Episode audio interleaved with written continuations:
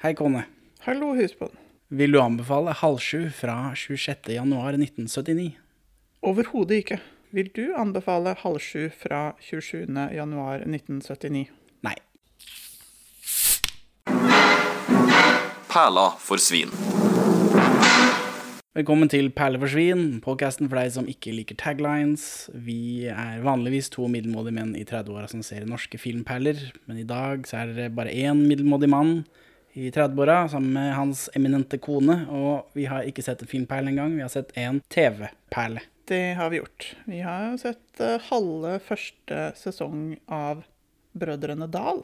Og Det, det syns jeg jo var ganske gøy. Grunnen til at Benjamin ikke er her i dag, er fordi eh, du og jeg har fått barn, antar jeg. Dette spilles eh, tas opp litt i forkant. Ja, så vi må jo si da at eh, vi eh, lader jo opp til at eh, vi skal kunne ta permisjon, for vi skal ha barn om ca. seks uker når dette spilles inn. Og det viser seg av erfaring nå med Benjamin, har jo vært ja, litt sånn fraværende de siste fire månedene. Og hvis det er sånn det er å skulle drive podkast og ha barn, så skjønner vi at vi må liksom legge opp, legge opp litt. Legge inn noen episoder som kan slippes mens vi har permisjon. Ja, og hvis eh, lyden er litt annerledes i dag enn den pleier å være, så er det fordi vi er hjemme hos meg, men vi sitter i stua fordi du er handikappa, Kajsa. Ja, jeg har jo blitt uh, veldig, veldig sykemeldt. Så jeg, eh, jeg ligger uh, rett ut. Og har uh, mer eller mindre ganske grusomt vondt eh, mye av tiden. Er eh, fullstendig indisponibel. Men eh, kjeften går jo som, eh, som den skal, heldigvis. Ja, så, så jeg eh, klarer å podde hvis jeg bare får ligge horisontalt eh, og podde. Så det, dette er en ny opplevelse for eh, både meg og for eh, dere lyttere. Hvis jeg og Benjamin klarer å holde en plan jeg har i hodet, så kommer dette til å bli gitt ut sånn i eh, rundt eh, i august. Etter august? Noe sånt. Etter august eh, et sted. Hvor tror du verden er i august, Kajsa? Nå, for nå har vi muligheten til å spå litt. Ja, nå er jo Er det noe, er det noe i nyhetsbildet du ser for deg som kommer i august? Eh, jeg vet ikke. Altså, jeg ser jo for meg altså, Jeg vet at for vår del så er jo dette den eh, sommeren da alt skal skje på en gang. Når vi selger to leiligheter, kjøper et hus, skal pusse opp huset, ta over dette samtidig som at vi får barn. Sånn at eh, en eller annen eh, jeg vet ikke, fortvilet eh, rabla for ektepar i Moss, f.eks.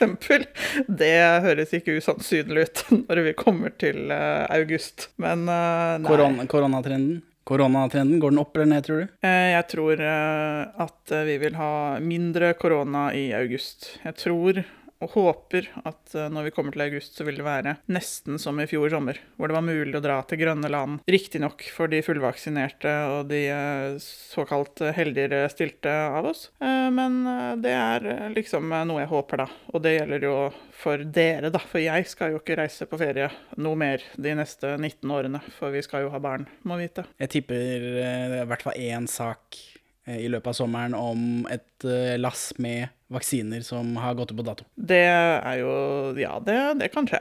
Det er min spådom for eh, sommeren 2021. Det høres ikke usannsynlig ut. Her er Olof. Olof Palme. Du vil jo, eh, Det er ditt forslag å se Brødrene Dal som permisjonsføde.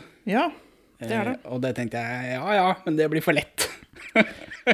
Ja, til det blir for lett, hva tenker du på? Nei, Vi må se, vi må se det i kontekst. I hvert fall første episode. Derav denne halv sju-anmeldelsen.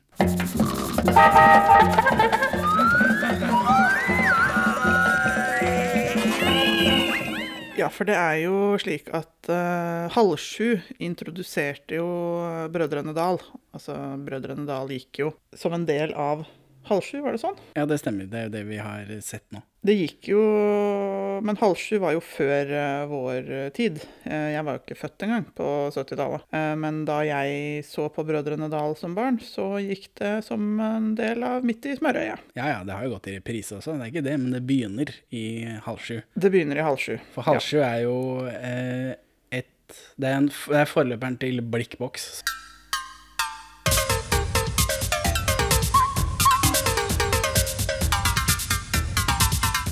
Som vi har snakka om i podkasten før, eh, som, som, også sendte sånne serier. Eh, de har sendt Forelsket 87, som vi har anmeldt i podkasten, som er episode 10 og 11, tror jeg. Stemmer. Og så kommer Midt i smørøyet og smørøyet etter det, da.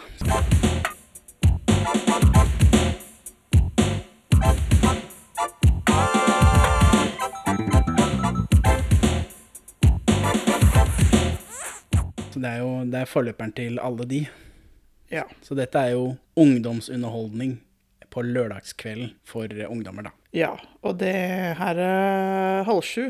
Eh, altså Jeg kan ikke si jeg husker Midt i smørøyet som revolusjonerende tøft, men Halv sju er jo virkelig noe av det mest tannløse, tamme, vannete programmet jeg har sett. Ja, det er litt forskjell på, på uh, ungdomsunderholdning fra 70-tallet og utover på 90-tallet. Uh, I Midt i smørøyet, og i for så vidt i Blikkboks også, så er det jo barneprogramledere, blant annet. Det er ikke disse voksenprogramlederne som vi har her. Men før vi kommer så langt, uh, hvor, eller når, tror du halv sju gikk på lørdagskvelden? Klokkeslettet? Jeg, jeg, håper det gikk klokka åtte om kvelden. Åtte Det gikk jo halv sju, da. altså, det gikk halv sju. Ja. Hvem er det som er hjemme klokka halv sju på en lørdagskveld?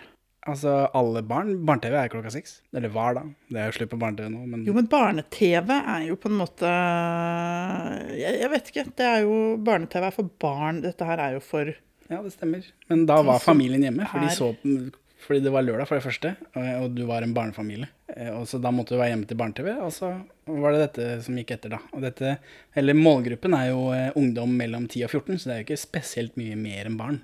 Nei, nei, det er jo for så vidt uh, sant. Og så Det varer i 55 minutter fram til Dagsrevyen, da, som liksom er, som er for voksne. Så da har hele familien kost seg på lørdagen. Og Halvsju gikk fra 1979, som er jo dette det, Den episoden vi ser i dag, er første episode noensinne av Halv sju. Å ja, ja, det stemmer. For det, det gjør de jo litt sånn eh, nummer ut av, til å begynne med. Det- Og så går det fram til 1986, før det blir avløst av Blikkboks, da, som går Ja. i to år, og så er det Midt i smørøyet en stund. Også. Men jeg må jo bare spørre deg, da. Altså, og det er jo eh, fordi at vi Jeg kommer ikke til å lide meg gjennom hele halv sju for å se om det blir noe bedre utover. Eh, men eh, du har jo sett mer av halv sju enn det jeg har. Blir det noe bedre?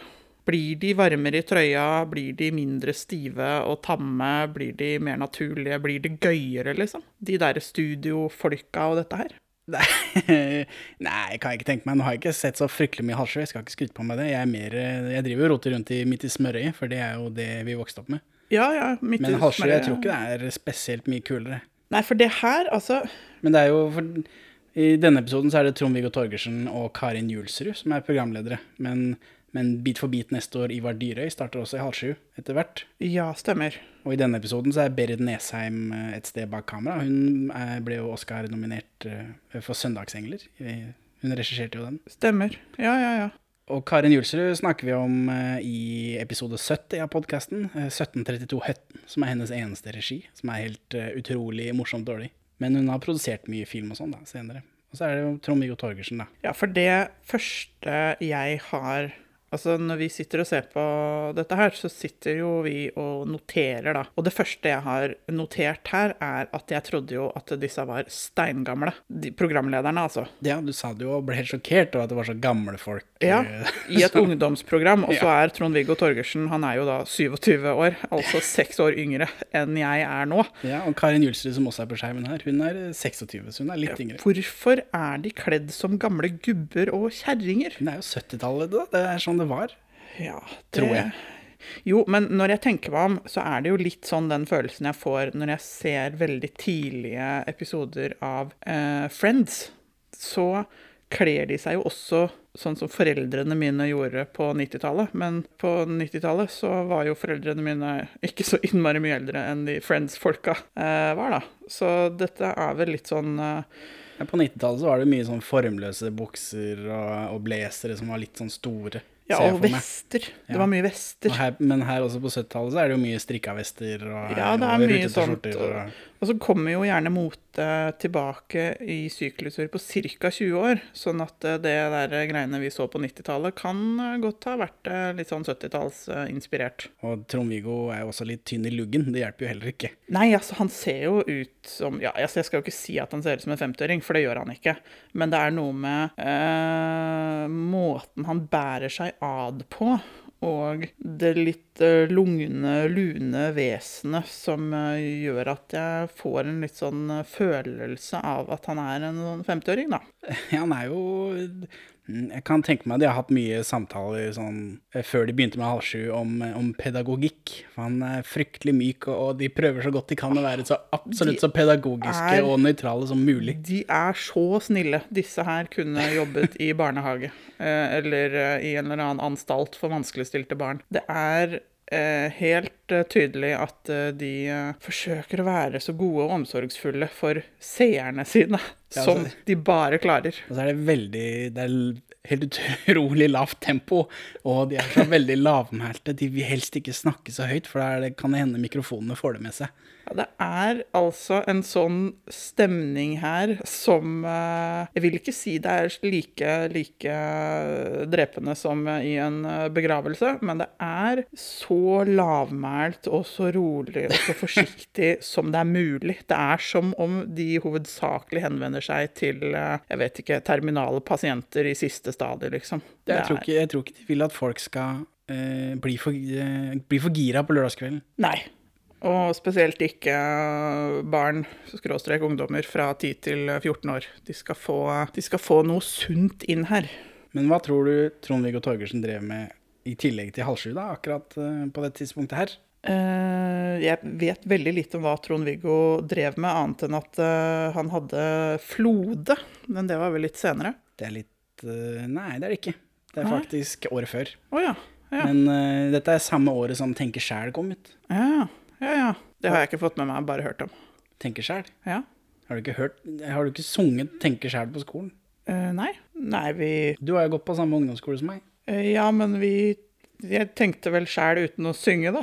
Jeg vet ikke. Eller så tok de for gitt at det var ikke jeg som fant på at vi skulle synge Tenke sjæl. Det skjønner jeg, men de, kanskje de Enten så tok de for gitt at vi kunne tenke sjæl uten å synge Trond-Viggo, eller så hadde de bare gitt opp at vi i det hele tatt skulle få det til. Tenke sjæl og men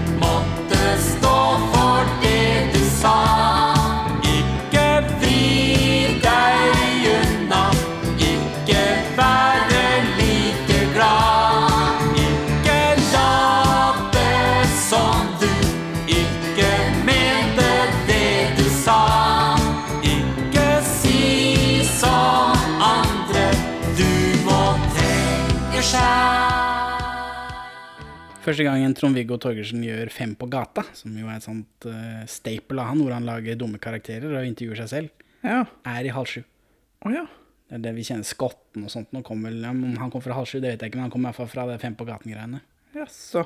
Men i 1974 så starter han i NRK, og da er han den andre Hallo-mannen i kanalens historie. Huh. Og så lager han Flode i 1978, da, som vi kjenner. Og så er det i 1980 så utdanner han seg til lege. Ja. Og i 1981 så lager han Kroppen. Så det er 300 millioner sædceller som kommer på en gang. Det er ganske mange, hva? Så nå kommer de klar, ferdig og hoi! Oi! Og så Så er det mange som detter av lasset med en gang. Det var voldsomt til mannefall. Hvor han forteller hvordan barn blir til. Da. Det var sikkert eh, grusomme greier i, i 1980. Jeg kan tenke meg det gikk varmt i avisene. Det gjorde det nok. 1981, mener jeg. Og så er det vaktmesteren, da. Denne karakteren hans. Han dukker først opp i Lørdagen, som er et sånt Dan Børge Akerø-lørdagsprogram i Ja, ja, ja. 1989. Det har jeg fått med meg.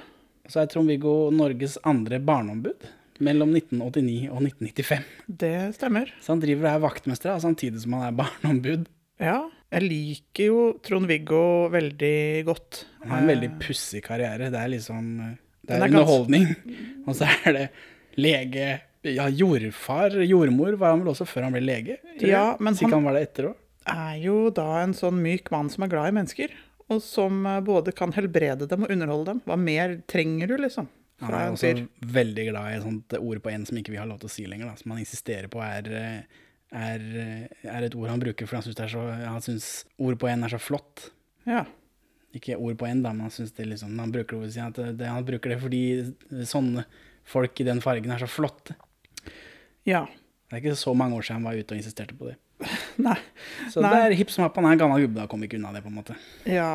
Nei, for det er jo Altså, Trond-Viggo er jo så koselig at eh, Nå har jo jeg vært eh, gravid i eh, ja, det føles som tre-fire år. Og underveis her så har jo jeg truffet på leger og andre sånne. Og jeg har altså truffet på en lege på Rikshospitalet som jeg syntes var helt utrolig ålreit. Jeg var veldig nervøs, skulle inn dit for en undersøkelse. Og da har jeg da forklart, for å forklare hvor ålreit denne legen var, så har jeg beskrevet ham som en blanding av Trond-Viggo og en fyr du ønsker å ha til pappa. Så så koselig er Trond-Viggo, faktisk. I 1996 så er han manusforfatter og programleder på NRK2s åpningsshow. Og han er sjef for NRK2 i 1997, det er fra 97 til 99. Og i 2012 så tar han over program, som programleder i 20 spørsmål eh, fra Knut Borge. Og Knut Borge får sparken på SMS uten grunn, mener han. Og han føler seg satt på sidelinjen og dårlig behandla. Men sparken på SMS kan man jo ikke få. Jo, han fikk det da, og var veldig grinte på det, og så døde han jo noen år senere. Da, så da var Ja. liksom problemet løst fra NRK sin side. Uff a meg. Ja, det, uff, uff a meg. Ikke bra. I, I 2014, hva tror, tror du Trond-Viggo driver med da? Han blir æresmedlem av Norges tannlegeforening. Ja, det er flott. Jeg tenker jo på han som tannlege. Du gjør det? Ja, ja. Er han tannlege, er han tannlege også? Puss, puss, så får du en Ja, suss. den der. Puss, så får du en suss. Ja. Ja, Trond-Viggo har oppdatert sin egen nettside med at han vant Mensa Norges pris i 2020, men Mensa Norge har ikke oppdatert mer enn til 2019, så hvem vet. Ja. Så det er det jeg har på bakgrunn eh, om, om dette, om halv sju. Nei, men det er bra. Så begynner vi halv sju, da, du og jeg. Eh, hva syns du om den introen? Den, eh, den er jo veldig oppgira og masete. Den står liksom ikke i stil med programmet. Nei, det er jo Den vil jo signalisere at nå skjer det noe gøy for eh, folk mellom 10 og 14. Nå må dere komme og følge med. Nå, liksom, eh, nå er det tut og kjør. Nå kjører vi på. Ja. Og så, og så klipper vi til, til Trond-Viggo i, i strika vest. Det er eh, et program som er eh, sånn Rent visuelt så er jo selve programmet påfallende fargeløst. Det er Eh, veldig brunt. Ja, det går i bruntoner og grått og beige og Folk det er- var veldig sånn brune på 70-tallet, tror jeg. Og omgivelsene også. Ja, og det er eh, Det står i veldig kontrast til hvordan vi lager ungdomsprogrammer med sånne gøye programledere nå, da. For nå skal de jo liksom ha Det er farger i studio, det er farger på klærne, det er farger på menneskene. Nå vil de jo stimulere barna, mens dette her, eh, det er det motsatte. Dette her er laget for å dempe hva det nå er slags eh, bokstavkombinasjoner de var plaget av eh, på barn på 70-tallet. Det er jeg helt sikker på. Men det åpner med denne introen. Hva syns du om introen, sa du? Eh, nei, den står ikke i stil til eh, programmet. Det gjør den ikke. Men ellers så syns jeg den er helt grei. Men altså etter introen, så da klipper de Trond-Viggo, eh, og han viser oss rundt i Studio 3 sammen med Karin Julsrud, da, for her skal de ha TV-program fremover. Ja, for de begynner jo, de lager jo dette som om de ankommer studio, og her har det skjedd ting. og greier, for de, skal liksom, de er liksom med å dekorere studio, er vel greia, tror jeg. Ja. Men de, men de åpner med, aller første scenen de åpner med at Viggo, eh, han, eh, eller Trond-Viggo, eh, jeg og Trond-Viggo er så gode venner, så jeg sier bare Viggo. ja, ja, det er klart. Eh, og Det åpner med at han bommer på en replikk. og, så, og at Karin Julsrud setter ned ting eh, som lager lyder som skjærer i podkastklippersjela mi. Vi ønsker dere hjertelig velkommen da, til halv sju. Halv sju det er altså et program for gutter og jenter mellom 10 og 14 år. Selvfølgelig også for resten av familien hvis de har lyst. Dette her, dette kunne de, jeg kunne tatt en take to. Ja. Men For dette er tross alt åpningen, liksom. Og, og det er NRK på 70-tallet. Det er ingen som ser på noe annet. Nei, men jeg tror vel kanskje det at NRK er blitt bedre etter at NRK måtte begynne å konkurrere mot eh, andre tilbydere av underholdning også. Eh, for det å ha, på en måte det å være enehersker eller være den eneste tilbyderen av et eller annet, gjør jo at man kan bli litt eh, slapp og litt eh, bekvem. Så For det ser vi jo, ser vi jo litt eh, i eh, moderne underholdningsverden også. Når det lages mer underholdning, så stiller publikum høyere krav til eh, kvalitet i innholdet, og da må de som produserer, eh, levere, rett og slett. Ja, det er jo flaks da, at vi er den eneste podkasten eksklusivt om norsk film, så vi trenger ikke å tenke så nøye på kvaliteten. Nei, vi kan jo være så rælete vi bare vil. Men det er ikke sjarm, dette, da. Er det sjarm at eh, det er så utrolig dårlig? Det har en viss sjarm for oss nå, tenker jeg, men jeg vet ikke om Jeg vet ikke om det ble oppfattet som dårlig den gangen. Eh, og hvis det ble det, så vet jeg ikke om noen syns det var sjarmerende eller bare gresselig irriterende. Det gikk jo i syv år, på en måte, så det kan ikke, folk kan ikke ha hata det. For selv NRK har tatt ting av lufta. Ja da, det er klart. Eh, Det er klart. Men da må vel kanskje folk bli provosert, tenker jeg. Eh, Og hvis du lager et program som er omtrent like provoserende som en hvetebolle, og kanskje og like, like fargeløst og like lite interessant, så setter du liksom ikke sinnene i kok. Det bare, det bare er noe som fyller tiden mellom barne-TV og Dagsrevyen. Kanskje. Det, det er mulig. Det er i hvert fall eh, Du kan, eh, kan ikke åpne første episode av TV-programmet ditt med at eh, han som er lederen, sier feil. At han snubler i en replikk. Det går ikke. Beklager. Nei, det, Da må du gjøre det en gang til. ja. Selv om det betyr at du må faktisk gå fra Du må gå inn, ha en tre en gang til, så må du faktisk gjøre det. Ja. Nei, det er jeg enig i. Men så leser de et brev fra en 13-åring som er redd for å dumme seg ut, og det er tydeligvis det som er temaet i dag, da, fordi Halv sju har jo temaer, må vite. Ja. Eh, Og det, det brevet tror jeg ikke er ekte. Tanker? Nei, det tror jeg ikke. For i den episoden vi har om Forelska 87, så snakker jeg med eh, regissøren av Forelska 87, eh, 87, som jo har jobbet i barne- og ungdomsavdelingen lenge. Og det, det høres jo på han som de kan finne på sånt. Ja, de kunne nok det den gangen. Kan godt hende de kan det nå òg. Og nettopp det er det kanskje vi skal snakke litt om i dette programmet i dag. Om å dumme seg ut, Ja, eller, eller- kanskje heller Drite seg ut, som det heter så pikant. ja, På, ja. redselen for å dumme seg ut. Og så går de fra dette da, Nå har de liksom Nå har de satt tema. Temaet er eh, å drite seg ut, dumme seg ut. Trond-Viggo sier drite seg ut. De sier egentlig drite ganske ofte i det programmet her. De gjør det, og Overraskende. det Overraskende. ja. jeg Trond-Viggo liksom som, som sier sånne stygge ting. Han er jo litt kul. Han er jo den litt kule her. Er han det? Nei, altså, han er jo ikke kul etter våre standarder, men han er jo i dette programmet her, eh, som er så kjedelig at eh, det Jeg har nesten ikke ord. De, de har jo, på, I Halvsju så har de også en dramagruppe på tre personer. Og han fyren der, han som har litt langt hår, han tror jeg er kul. Ja. Fordi han, ja, I denne episoden her så handler det jo om å dumme seg ut, da, men i en annen episode så handler det om mobbing. Og i den episoden så spiller han liksom en mobber. Han ser liksom rett i kamera og sier stygge ting, og han har liksom skinnjakke på seg. Og i episoden etter så må Trond-Viggo eh, beklage at, eh, at han var litt for kul, og at folk liksom har oppfatta det som det var kult å mobbe. og det er han samme fyren som er med i, i dramagruppa her, men da har de jo Det er jo noen sketsjer om det å tørre ting, dette de har lagd. Ja. Nei, det er uh... Så han er nok den kule i halv sju, tror jeg. Ja. Jeg vet ikke hva han heter engang, men eh, han har veldig langt hår. Jo, men det, det skal jo Altså, nå er jo uh, Nå kan både folk på NRK kan være kule, og det kan være. Men NRK er fremdeles den kanalen som kan lage program etter program etter program etter program hvor det er helt greit å ikke være fnugg av kul. Eh, og dette bare blir eh, akseptert. Det blir bare tatt imot. Av- det, jeg syns jo det er litt eh, fint, selv om det er irriterende at det er det skattepengene mine går til. Men hadde det ikke vært for at det er skattepengene mine som går til, så hadde det jo aldri skjedd. Nei da, og det er Og en gang iblant så glimter det jo til med noe folk vil ha også. Ja da. Og Nå det er ikke jeg noe fan av Nå har jeg avbrutt deg to ganger, men jeg tar en til, jeg. Ja. Det nå er ikke jeg noe fan av Hurtigruten minutt for minutt, men det er det jævlig mye folk som er, og aldri i verden om TV 2 hadde liksom planlagt at nå skal vi gjøre dette.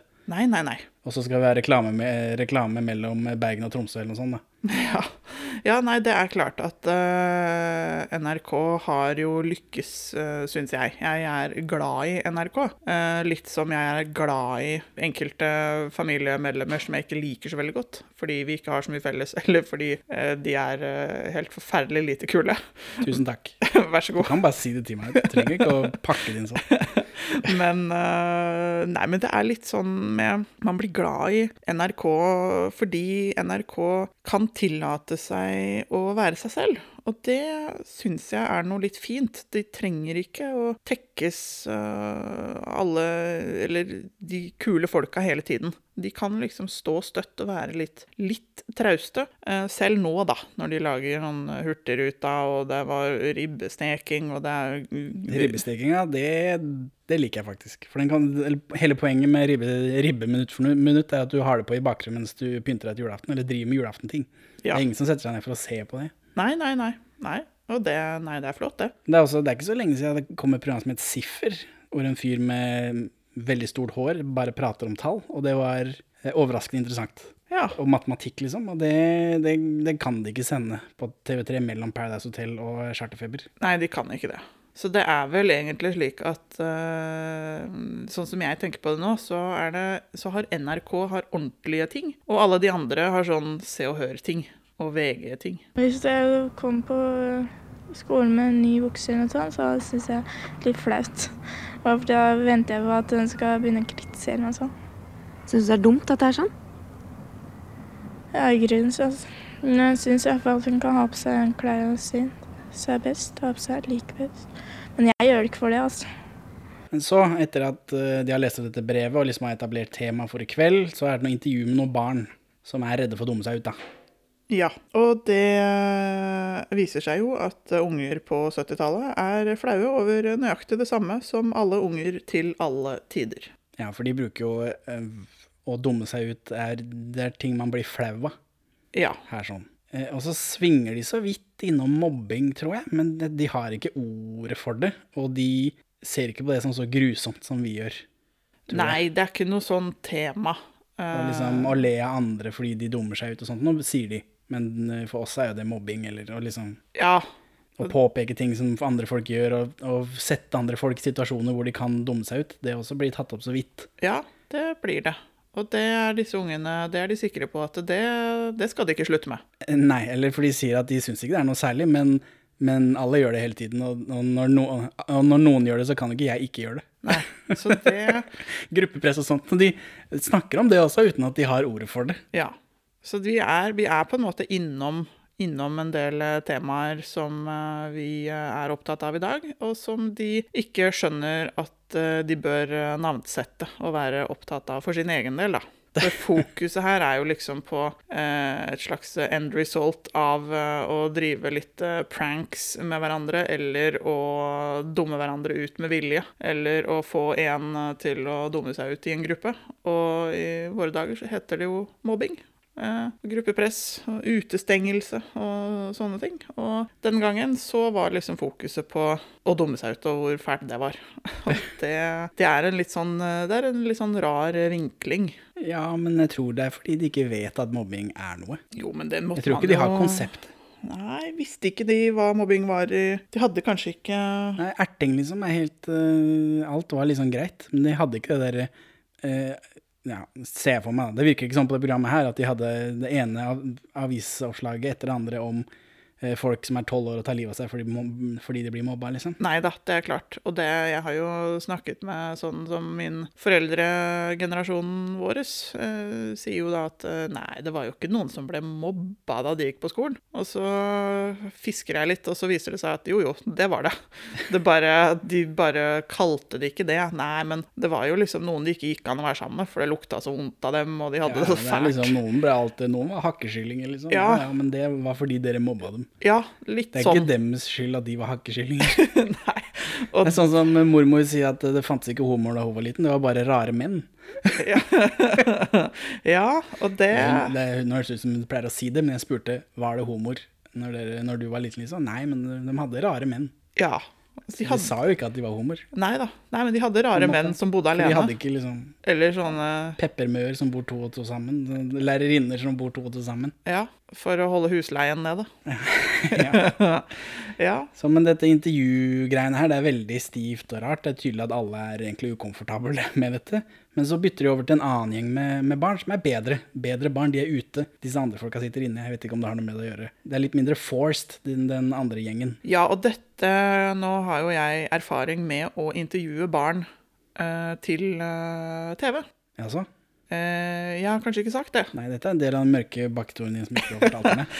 Ja, nei, jeg har uh, samarbeidet med en annen filmfyr. Uh, og er da intervjuer av barn De er vel 12-13 år gamle, de som jeg intervjuer. Og jeg må jo si at det å få barn naturlig og trygge i en intervjusituasjon er langt på vei et eget fag. Nå jobber jo jeg med barn eh, i tillegg, så det var vel ikke tilfeldig at jeg ble spurt om å ordne det greiene der. Men eh, det er eh, Du skal være litt sånn god på å prate med barn for å få barn til å snakke om vanlige ting på kamera. På en eh, normal måte, da. Og det lykkes de bare sånn halvveis med her i halv sju. Ja, eller det er bare den gjengen her, egentlig, som er litt, eh, litt bedre. Det er også En av dem er en trompetspillende eh, Marius-genserunge med blunketics. Og, det, Ja. og han var eh, overraskende kult å ha så mye greier på gang. ja, han var det. Så skulle jeg spille alene på trompet, og så når jeg begynte, så var det en høy tone, så kom jeg ikke opp på den. Så måtte jeg begynne på nytt igjen, og da, måtte jeg liksom, da begynte alle folka å se på meg og sånn, og så da måtte jeg bare liksom skjule meg bak notestativet og begynne å spille på nytt igjen. Altså, det var helt innmari. Da ble jeg ganske rød. Og så går det fra dette intervjugreiene om å dumme seg ut til Lillebjørn Nilsen. Han blir introdusert, for han skal synge en sang om å dumme seg ut. Og han eh, spiller da blues når du er 15, fra plata Oslo 3, som kom samme år, så det er jo en ny plate da. Hvor gammel tror du Lillebjørn Nilsen er, siden du syns Trond-Viggo er så gammel? Nei, jeg syns jo han ser ut til å være minst 50, samme som eh, Trond-Viggo. Han er 29, da. Ja, det er deilig. Så men han sitter jo inne i lille studio der som de har, de har satt opp noen bord, og det ser ut som en sånn 70-tallsstue, en litt brun 70-tallsstue med litt eh, lave møbler. Han sitter og spiller, og så er det Steinar Ofsdal på, eh, på kontrabass i bakgrunnen. Han spiller fløyte senere, uten at vi skal snakke noe om han, for hvem bryr seg om han?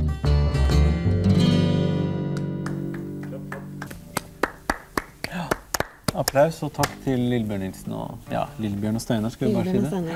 Ja, Lillebjørn Nilsen han eh, synger denne sangen, da, 'Blues når du er 15', eh, og Trond-Viggo og Karin sitter og ser på. Og så står han Steinar Ofsdal bak der og spiller kontrabassen sin. Og det er, jo sånn, det er veldig merkelig oppsett. Det er veldig merkelig oppsett, egentlig, for det er bare to stykker som sitter og ser på. Så når, når han er ferdig med sangen sin, så så får de litt sånn laber applaus da fra de to, to i salen. Ja. Ja, det er eh, litt underlig.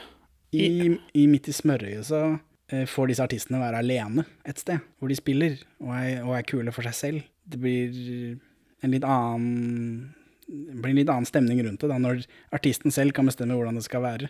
Ja, altså tror jeg man må nok enten gjøre det på den måten, at de er alene og får være kule, og, eller at man legger det til en del av programmet hvor man på en måte får inn noe publikum, da.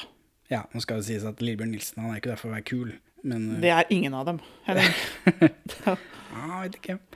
Men så kommer det fram her, da, for det bli et lite intervju. De snakker overraskende mye med Lillebjørn Nilsen og Steinar Ofsdal på fløyte slash kontrabass om dette med å dumme seg ut og alt det greiene. Og Lillebjørn eh, syns ikke det er flaut å ha kjæreste lenger. Nei, han syns ikke det er flaut å ha kjæreste lenger, men det var flauere før, i det derre mellomstadiet fra du blei litt interessert i å ha kjæreste, eller andre rundt deg var litt interessert i å ha kjæreste, og hadde kjæreste, til man liksom fikk det til sjæl og hadde en kjæreste. Ja, for nå, men nå er det eh, tre brune Tre 70-tallspersoner, tre eh, brune, jordfargede eh, 70-tallspersoner eh, på i 20 eh, nærmer seg 30-åra. Ja, fire, da, med Steinar Ofstad på kontrabass. Han er der, han også, og snakker. Som sitter da og, og synser om hvordan det var å være forelska som 13-14-åring. Og det er, det er veldig, veldig rart. Det er rart at uh, de ikke har tenkt tanken på at det kunne vært verdifullt å ha noen litt yngre medlemmer i denne staben her. Det gjør jo det senere, da. Da, eller, de har jo enda en sånn intervjurunde. For nå kommer det et nytt brev. Det er en jente på 11,5. Et nytt eh, fake brev, det er jeg 100 sikker på. Det er en jente på 11,5 som er forelska, men ikke får sagt det. Og dette eh, det setter jo i gang et eh, veldig unaturlig skuespill om to veldig gamle folk som spiller tenåringer, Ja, som er forelska og ikke tør å si til hverandre. altså, ja, altså hvis du Og det er jo denne dramagruppa deres, da. Jeg må jo si, hvis du syns eh, det var rart at uh, Dawson's Creek uh, så ut som de var 40 alle sammen når de skulle spille high school-elever, så er det her mye, mye verre. Dette ser ut som når mora og faren din prøver å spille tenåringer. Ikke bra i det hele tatt. Ja, og det er jo også, I tillegg så er det et slags black box-teater. De tar jo For nå, Lillebjørn Nilsen og Trond-Viggo og de greiene sitter i studio der sånn, og så leser de brevet, og så klipper de til her. Dette er noe de helt tydeligvis har spilt inn på forhånd, for det har jo ikke noe med med Trond-Viggo og dem å gjøre. Men det er inne på en scene som er helt svart, og så har de satt opp et gjerde liksom, og en søppelkasse, og så er det noe sykler og noe greier. Hvorfor gjorde de ikke dette ute, hvor det liksom skjedde noe, eller mm, jeg vet jo at ikke de gjorde de gjorde det ikke ute, fordi da kan det skje noe. Da får, er det vanskelig med lyd og bla, bla, bla. Det blir mer sånn tungvint. Men det, det ser så kunstig ut, på en måte. Om ikke sånn dialogen var Days of Our kunstig fra før av. Ja. Det, det ser sånn ut. Det er sånn type ekko når du går over en scene, og dette liksom skal være i en park. Det er litt sånn. Der borte står Hans. Jeg har så innmari lyst til å gå bort og prate med han. Men jeg tør ikke. Det er liksom, og, det, og den dialogen er jo kjempekunstig rar fra før av. Det blir ikke noe lettere å se på. Det er eh, det, Den betaen der er jo medvirkende til at jeg syns eh, å se dette halv sju-programmet var en lang, lang, pinefull affære. Ja, men dette er jo bare første gang vi får se dem. Det kommer jo en runde til med, med den gjengen her. Ja, det er utrolig. Og han ene, han snubler i replikken. Hvorfor, jeg skjønner, hvorfor tar de ikke to tagninger? Dette er jo inne i studio. Men jeg vet ikke. Kanskje de hadde tatt eh, 70 tagninger, og det bare ikke De fikk det ikke beste. bedre. Ja, var fikk det ikke bedre, liksom. Det er ikke cinema verité, dette. Det er liksom, de kan ta det flere ganger. Ja da, de kan det. Men det kan hende de har gjort det. Og så kan det hende de ikke hengte seg veldig opp i sånne ting, da. Det virker jo sånn, men altså, det fins jo masse, hundrevis av ordentlige filmer fra andre steder på 70-tallet. Ja, Og opp til 70-tallet. Det Det er ikke det som om ingen som jobber i NRK-systemet har sett TV før. Ordentlig, ordentlig TV. Jeg antar at noen av dem har vært eh, BBC kanskje, at de har sett hvordan ting skal gjøres. USA Ja kanskje, at noen har vært der og sett på TV. De har jo kinoer. Ja da, det er klart. Men det her er jo Nå er det jo må jo, altså, resten av dette her, eh, når, det er, når vi ser dette Brødrene Dal også, så har vi jo flere tilfeller av at eh, det sitter ting klistra fast på linsa på kamera. Eh, hår eller eh, små prikker eller andre ting som vi skjønner at ikke skal være der, men som eh, de bare har liksom ikke lagt merke til. Og så bare Ja ja, det får bare bli sånn, da. Ja, men Brødrene Dal har en litt annen um, flyt, føler jeg. Den KLM-gjengen, der er det litt sånn der, Det gjør ikke så mye. Det er ikke så oppstylta og rart, selv om det er Nei veldig rart.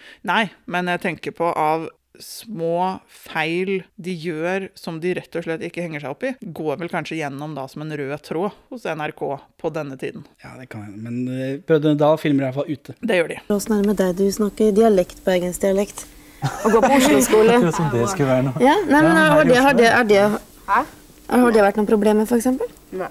Ingen som aper etter deg og prater sånn som du gjør og sånn. Ingen som gjør det? Ja? Nei, det er ingen som banker opp Nei, nei, Banker opp igjen? Nei, det er ikke Etter dette, den eh, teaterforestillingen, eller hva det er for noe, så er det enda et intervju eh, med barn, da. Og dette er i studio, sammen med Lillebjørn Nilsen og han fyren som spiller kontrabass. Ja. og det er, liksom, det, og det er det samme spørsmålet om å drite seg ut, og at barna tror det går over når de blir voksne, men Lillebjørn er uenig.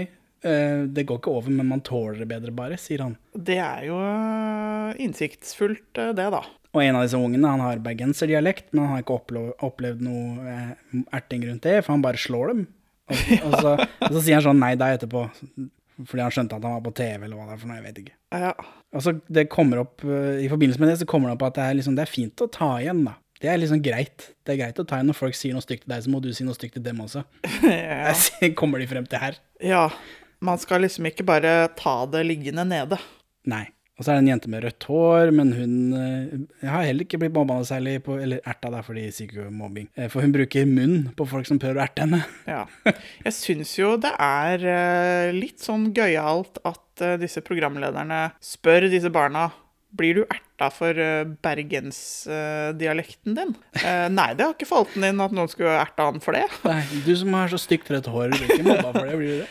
Ja, blir du mobba for det røde håret ditt, da? Og det var liksom Nei, det har aldri skjedd. Det, og det Den store, rare nesa di, det er det ingen som sier noe på den. Det er liksom det, det, det er også litt som om de ikke har diskutert med disse barna på forhånd hva dette programmet skal handle om, og eh, de kunne jo de kunne jo faktisk ha prøvd å aktivt hente inn noen som ble erta for ting, for å prøve å forklare hvordan det føles. da. Det ville jo vært pedagogisk og faktisk eh, kanskje tjent eh, til et formål. Ja, så er det jo vanlig med liksom pre-intervjuer med voksne mennesker, men jeg vet ikke om det er det med barn. Det er jo det. Eh, Da jeg intervjuet eh, barna, så hadde vi jo en, eh, en liten Vi hadde jo en liten sånn prepping på hva vi skulle gå gjennom. Hvordan eh, de skulle svare. Eh, Og ikke sånn nødvendigvis innholdet i hva de skulle svare, men bare sånn Det er fint hvis dere svarer i hele setninger, eh, så men så naturlig som mulig. Og Ja, det, men som, når ikke man har snakket med disse folka på forhånd, så risikerer man at, noen, at de ikke har noe å si. Og det er det flere av dem som ikke har her. Nei, og det er eh, Og det også gjorde vi jo selvfølgelig. Vi gikk jo gjennom temaene. De fikk vite alle spørsmålene først. De fikk snakke sammen seg imellom i ti minutter. Eh, og så fikk jeg stille dem eh, spørsmål, og så hadde de helt utrolig mye gode svar. Ja, ja. Men, men her er det liksom Det er helt utrolig lavmælt tone da, i intervjuet hele tida. Og det varer sjukt lenge. Dette her Ja. er liksom broparten av programmet, føles det som. Det som Det skjer syns- ingenting. Altså det som jeg savner her i dette intervjuet og de, disse samtalene med barna, er jo den nesten totale fraværet av respons fra de som intervjuer dem. Det blir jo ikke noen slags engasjert samtale her. Det er, de, er ikke, de er ikke to parter som snakker sammen og engasjerer seg i det samme i det hele tatt. For når barna har svart, så er det litt sånn taus nikking og hm. Mye sånn hm, ja, hm. Og det, det eh, vil jeg si, bringer jo ikke samtalen videre. Nei, gjør ikke det. Det er jo sånn eh, Trond-Viggo spør om et eller annet, og det barnet er litt sånn flaut og vil helst ikke svare og mumler et eller annet, og så ja mm, mm. Ja, du da, jente med stygt rødt hår. Hva med deg? Sånn går det. Det er, det er kjedelig å, å se på. Dette er lørdagsunderholdning. Men Det dette må jo ha vært kjedelig å gjøre òg. Men de har jo lært noe av dette her, for eh, både disse lørdagskveldunderholdningene for eh, ungdommer og NRK som sådan har jo utviklet seg til å bli mindre dørgende kjedelig. Ja, altså, kan Fra Blikkboks er det jo barna som er programledere, så da er det mulig de har noe å si redaksjonelt også. Eller det er, de som lager programmet er i hvert fall rundt barn, så da får de jo noe input. Ja, det hjelper. Ikke at det blir mindre kleine programledere av det, for fy søren så rart det er, men, eh, men det er i hvert fall barna som gjør det sjæl, da. Ja. ja, nei, det hjelper nok. Her kommer det også fram, eh, som voksen, så er- sier Trond-Viggo at det kan være flaut å liksom ikke vite ting, ikke følge med på hva som skjer. Hva som skjer i Iran, f.eks. Ja, Hva skjedde i Iran da, i 1979? det var revolusjon. Ja, det er helt riktig. Du har ingen grunn til å være flau. Nei, jeg, jeg, jeg er aldri, jeg aldri Jeg dummer aldri ut, jeg. Nei, har, du, du har, aldri, har du opplevd å dumme deg ut da, Kajsa? Er du redd for å dumme deg ut? Jeg går ikke rundt og er redd for å dumme meg ut. Um, men det er klart uh, Når man, sånn som nå, er uh, kjempegravid, gått opp 25 kilo de siste syv månedene Du syns godt i terrenget. Jeg syns godt i terrenget. Det var et flott uttrykk du kom med der. Jeg syns veldig godt i terrenget. Uh, og jeg går med krykker, og det er så vidt det går framover. Så kan man rett og slett ikke være veldig tynnhudet.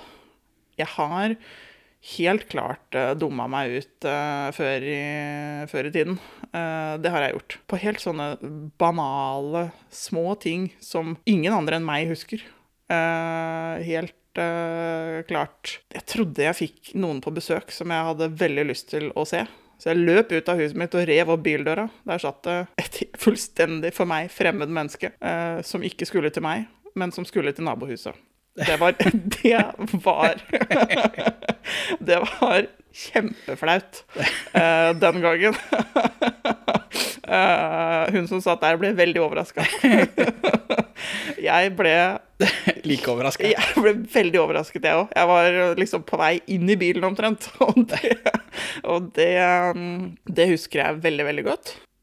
Så det Nei, det er ingen, ingen god vei ut av det der. Det var bare å si unnskyld. Slenge igjen bildøra, løpe inn i huset igjen. Så det, det, det husker jeg. Ja, jeg driver jo med poker, så jeg har aldri dumma meg ut. Eller. Og så i, i programmet det går, det går en sånn pipelyd som, gjennom hele episoden som er litt sånn ubehagelig. Jeg vet ikke hva det har gjort for noe. Jeg turte ikke å si det til deg når vi satt og så på det, for da hadde du ikke hørt noe annet, sånn som meg. Nei, for det var ikke sånn at jeg la merke til det. Men det var jo mye Jeg syns jo det var mye rare lyder på eh, TV før i tida. Ja, det, akkurat Jeg vet ikke, her så er det mye mumling også. Det er ikke alltid jeg hører hva de sier. Men nå går det et, endelig, så er dette dumme, lange intervjuet ferdig. Og nå, nå skjer det noe. Dette skjønner jeg er ting de har laget for å underholde barn. For nå kommer det en sånn post, da, gjennomgående post tydeligvis, som de skal ha. Bakvendtland-posten, hvor Trond-Viggo da går i sketsjemodus. Tar på seg eh, løstenner og parykk, og liksom Nå er han seg selv. Det er det her han trives. Ja, han er Virker jo det som, i hvert fall eh, det programmet her. Han er jo en morsom fyr. Ja, og denne sketsjen handler da om dumme seg ut-skolen. Eller først så er det eh, De har et sånt Det er et nyhetsprogram som introduserer Nå skal vi få et innslag fra eh, dumme.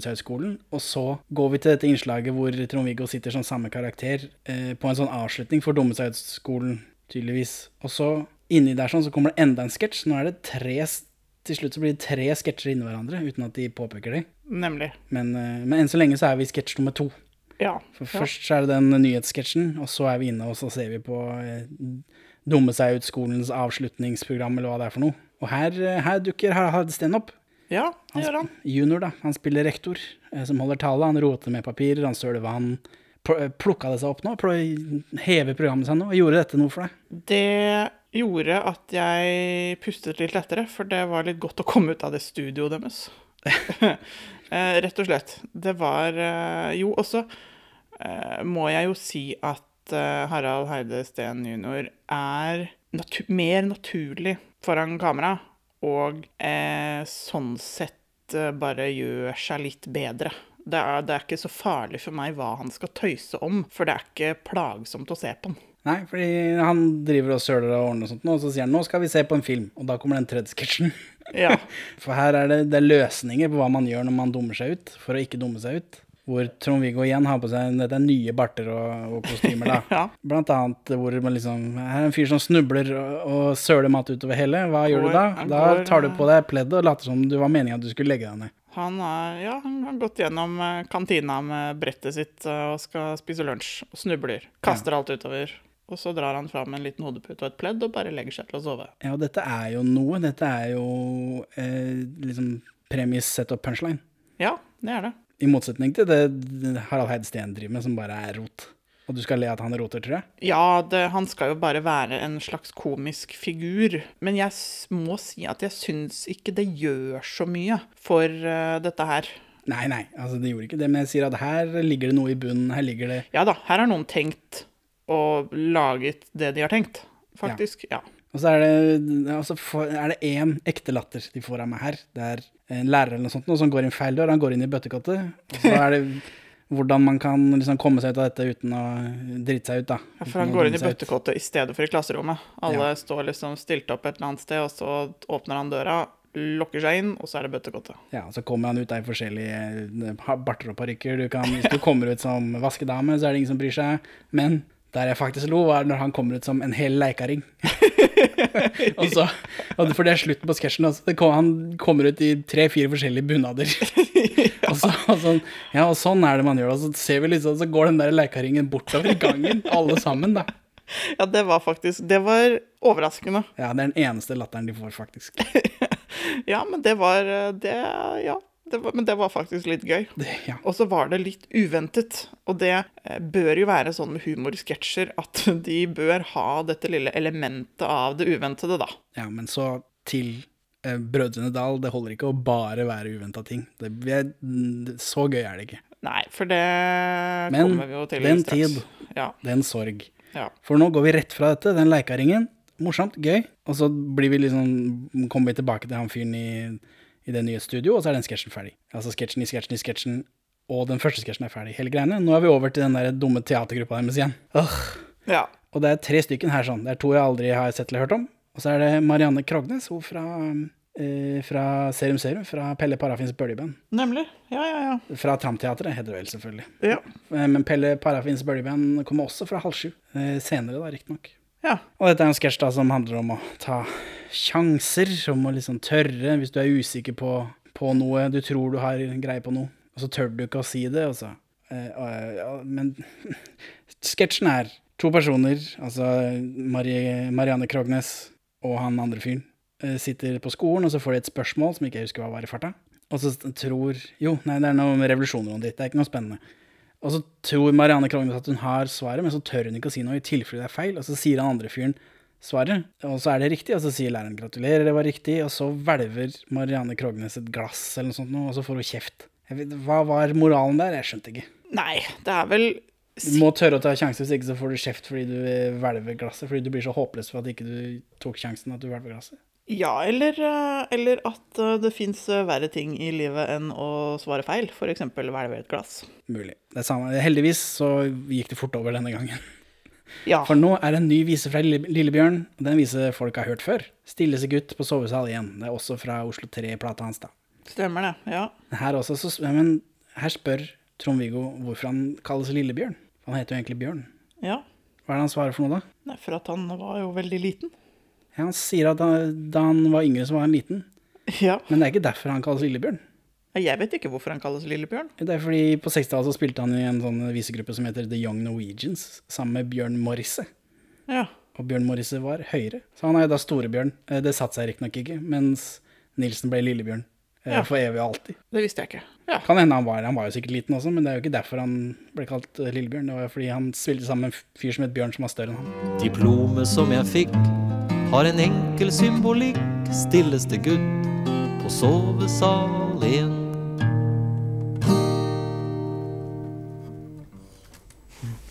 Ja. Takk skal dere ha. Takk og takk. Eh, Vi skal ha neste innslag i halv sju. Over til noe helt annet. Det er nemlig noe som heter Professor Drøvels hemmelighet, en kriminalføljetong i 13 deler. Med en del komiske og ganske underlige innslag, kan vi vel si. Episode én, vær så god. Etter denne sangen, som endelig er noe jeg drar litt kjensel på, eh, så blir vi introdusert for Brødrene Dal Ja. og Professor Drøvels hemmelighet. eh, Og det blir introdusert som en kriminalføljetong. ja, det er jo litt rart. Så jeg vet ikke, det er jo veldig spennende ofte. Det er, mye, det er noen spenningsmomenter i det. Jeg må si at føljetong er jo flott, for det, hver eneste episode ender jo på en cliffhanger. Ja, det er jo en føljetong. Det er en serial, som heter på engelsk. Det er det. Så det, det er jo helt riktig. Og at det er en Det er jo eh, for så vidt en slags kriminalsak, all den tid de skal forsøke å løse et forsvinningsmysterium. Det er jo en person som har forsvunnet. Så å anta at det er noe kriminelt som uh, Ja, men Du tenker ikke på det som krim. Nei, er du gæren? Det er jo ikke krim. Det er det ikke. Men eh, når jeg forsøker å sette meg inn i fotformskoene til NRK i 1979, så, så kan jeg jo anta at eh, de har tenkt på hva skal vi kalle dette her, da? Jo, det er en forsvinningssak, og det havnet i avisen at det må være kriminalsak. Ja, og så er det en serie, da heter det kriminalføljetong. Så, men akkurat den episoden hopper vi glatt over nå, for nå fokuserer vi på det rundt. Men vi har i hvert fall sett den i sin kontekst. Den har jo ikke noe, det har ikke noe med temaet i episoden å gjøre. Det, har, det er helt atskilt fra hva de driver med i halv sju. Ja. Så når den episoden er ferdig, eh, slutter på den der Så kommer eh, Karin og Trond-Viggo inn igjen, og de avslutter med en konkurranse. For det Ja. har de fått noe brev om. Det er mange som ønsker seg konkurranse. Det, jeg syns det er rart at mange kan ønske seg noe fra et program de aldri har sett før. Ja, fordi jeg tror det er løgn, skjønner du, alle disse brevene og sånt, fordi de løy om sånt i NRK. Hadde ikke noen problemer eh, med å gjøre det. Sånn som den Forelsket 87, konseptet der var jo at hver skoleklasse skrev hvert sitt manus. Men så sier jo disse folka som har lagd det, da, at eh, de måtte jo bearbeide det noe. Om det er kode for noe, det vet jeg ikke, men eh, Ja. Nei, for det, det virker veldig rart at uh, man skal ønske seg noe fra et TV-program som ennå ikke har eksistert. helt enig. Men uh, de får iallfall en ah, konkurranse Og det er, ikke noe, det, er ikke, det er ikke en gøy konkurranse. Det er ikke noe du må liksom Det er ikke quiz. Nei. Det er bare se på dette. Hvor mye telte du? Ja, det er eh, De får liksom se litt sånn ut av et togvindu at man kommer forbi en gård, og så er det et uh, klippe på x antall sekunder, da. Det er kanskje syv-åtte sekunder med dette her hvor du får se denne gården. Og så er det sånn Hvor mange bygninger var det på denne gården? Ja, Hvor mange piper, hvor mange postkasser, hvor mange mennesker var det? Ja. Hva, hva er dette for noe? Men dette, dette skjønte jeg, for jeg uh, så uh, hvor mange vinduer det var. Jeg regnet med at det var noe sånn helt utrolig døvt. Altså, Fikk du ikke spørsmål om det? Det var kjedelig. Ja, Det er jo helt utrolig trist da når jeg har telt vinduer, også. Dette er jo tydeligvis før man kunne ta opp ting. For det er jo den, eh, den konkurransen er jo bortkasta hvis du bare kan ta det på VHS. Ja. For VHS-en dukker først opp i Japan i 1976. Amerika får sin første VHS året etter, og England får året etter der. Så um, det tar vel litt tid da før VHS-en får emigrert fra eh, England over til Norge. Den første VHS-opptakeren under 300 dollar kom på markedet i 1986. Så det var jo også eksklusivt, da. Det, Ja. er, jo, det er jo 1986 dollars. Nei, det er eh, Det kosta jo forferdelig mye penger før i tida. Ja, og så må vi jo nevne Betamaxen, da, selvfølgelig. Den kom jo ut i Japan i 1975, men den taper jo videoteip-formatkrigen. Ja. Eh, Selv om den ikke den dør ut offisielt før i 1988, så den holder ut ganske lenge, selv om ingen brukte det. Ja, men snakker om Altså, det der med videospiller Altså, da jeg var liten, så var det jo videospillere altså tidlig på 90-tallet. Men uh, den gangen så hadde jeg en kompis, og faren var øh, litt mer enn gjennomsnittlig opptatt av uh, å ha greier, ha ting. Og da var det sånn at hvis vi skulle se på film, så måtte pappaen sette på den filmen. Fordi videospilleren hadde kosta 27 000 kroner. Oi. 27 000 kroner. På, I 1994 eller noe? Ja, noe sånt noe. Ja, ja. Altså, det var sånn at eh, Ja, og det var, eh, det var Det var så mye penger at vi skjønte ikke Altså, det var Biler kosta 27 000 kroner, liksom. Og Ja, det gjør det jo nå også. Ja, ja. Det, Det kan ikke stemme. Det var, folk hadde jo VHS-er da jeg var liten også. ja, men han hadde da Han hadde en en spesial-VHS. Ja, altså det kan hende den var Men da jeg, var, da, jeg levde i 1994, så kjente jeg folk som hadde VHS-spillere. Ja, ja. Mormor hadde VHS-spiller, Ja, ja. hun brukte ikke 27 000 kroner på VHS-spiller. Men det kunne man faktisk eh, få tak i. Altså, du får jo tak i. TV-er nå som koster 100 000 kroner. Det ikke det, men det hørtes ut som alle Nei, det, ja, nei, det var ikke sånn at alle gjorde det, men han gjorde et poeng ut av at vi fikk ikke sette på film. Vi ja, fikk ikke håndtere dette her, fordi at den hadde kosta 27 000 kroner. Og ja, dette var var du finner jo jo brødskiver i DVD-spilleren liksom, hvis du har barn. Man gjør jo dessverre det. Eh, Men det er, jo- i tillegg så er det jo 15 år da, mellom denne episoden, denne konkurransen i halv sju, og, og du traff den VHS-spilleren. Så det er Ja, noe har jo skjedd. Og så etter den konkurransen så får vi beskjed om at neste lørdag så er det halv sju fra Tromsø. Det har ikke vi giddet å sette på da. Nei. Og så er episoden slutt. Hvorfor vil ikke du anbefale halv sju fra eh, 27. januar 1979? Altså, hvis du virkelig, virkelig vil se på noe kjedelig, så kan du jo se på dette her. Eh, eller du kan se på maling som tørker. Det er omtrent eh, det samme. Nei, det Jeg må si at uh, for oss uh, nåtidsmennesker så kan man se på det hvis man har spesiell interesse for tidlig NRK ungdomsinnhold, men det holder lenge å se én episode. Uh, nei, det er dørgende kjedelig, altså. Det er det, faktisk. Og det er ikke bare kjedelig fordi det er litt sånn innholdsløst og tamt og tannløst, men det er rett og slett ikke spesielt bra laget. Så la være. Hvorfor vil ikke du anbefale noen å se på dette her? Fordi det er brunt og kjedelig, da. Hvis historien er dårlig, men det er mye å se på, Ja. sånn som i eh, 1732 Høtten, så er det jo Da er det gøy. Ja da, det er jeg helt enig i. Dette her hadde verken kvalitet eller innhold. Det var liksom, det var ingenting. Hvis det er dårlig, og det ikke er noe å se på heller, da kan du ikke se på det. Og det er dette. Eh, Vi kommer sterkere tilbake med Brødrene Dal, håper jeg, for nå har vi liksom tatt konteksten. Ja, for dette Det må jeg bare si. Det, når det mangler innhold, form, farge, kvalitet Altså hva, alt man vil ha i et TV-program, så bare la være. Uff. Uff a meg. Uff a meg. Men vi ses i Brødrene Dal og Professor Drøvels hemmelighet. Hurra! Ha det bra da, Kajsa. Adjø, Henning. Takk for at du hører på Perler for svin. Du finner oss først og fremst på perleforsvin.no, men også på Twitter under perler-for-svin, Facebook som perleforsvinpod, eller du kan maile oss på perleforsvinpod at gmail.com. Gi oss gjerne en eh, rating i din lokale podcast-avspiller, og, og legg igjen en beskrivelse, så folk skjønner hva det er for noe tull vi egentlig driver med. Her er ukas Pål Bang-Hansen-sitat ute av kontekst. Fullt av frisk og grov dialog, slik det skal være i amerikansk film for tiden. Et lykkelig skoleår er begynt. Er slutt. Er slutt. Og i dag står vi her for å minnes Nei.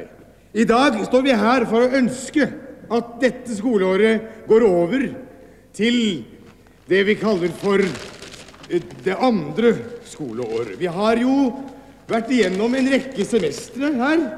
146 semestre i alt. Og som en lærer ved Gorpesunds landsgymnas en gang sa til meg Følelsen i brystet er det viktigste. La oss gå frem i verden med, bryst, med brystet foran. Vi kan da ikke være bekjent av å gå rundt med brystet bak, eller hvor det nå måtte være. Jeg vet ikke om det var mer jeg skulle si, bortsett fra at um, vi skal ha en uh, liten uh, aft film vi får fremvisning. Uh, Stenshaug, er De klar med filmen? Eh, Dette er første gang Trond-Viggo uh, gjør